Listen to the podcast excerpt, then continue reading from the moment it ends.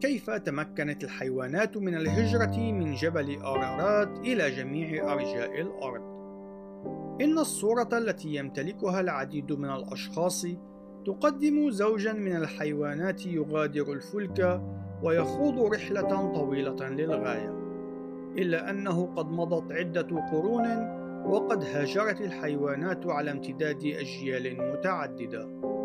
مباشرة بعد حدوث الطوفان وخلال فترة العصر الجليدي كانت مستويات البحر أخفض بكثير مما هي عليه في يومنا راهن وهو الأمر الذي تسبب بتوفير الجسور البرية للحيوانات لكي تعبر من خلالها.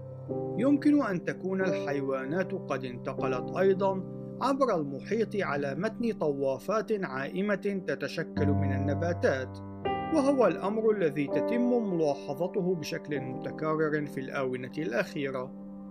كما أن البشر كانوا قادرين على نقل الحيوانات إلى أجزاء مختلفة من العالم كما يحدث في يومنا راهن. إن تقديم مثال واقعي يمكن أن يساعد. عندما تم إدخال ضفادع القصب من قبل البشر إلى أستراليا استغرقت عشرة أعوام حتى انتشر أعضاء هذه المجموعة عبر امتداد ألفي كيلومتر. إن معدل الانتشار الحالي يتراوح بين 5 وحتى 50 كيلومتر في السنة. وتجدر الإشارة إلى أن الضفادع ليست حيوانات متنقلة مثل الماشية والقطط ومختلف الزواحف.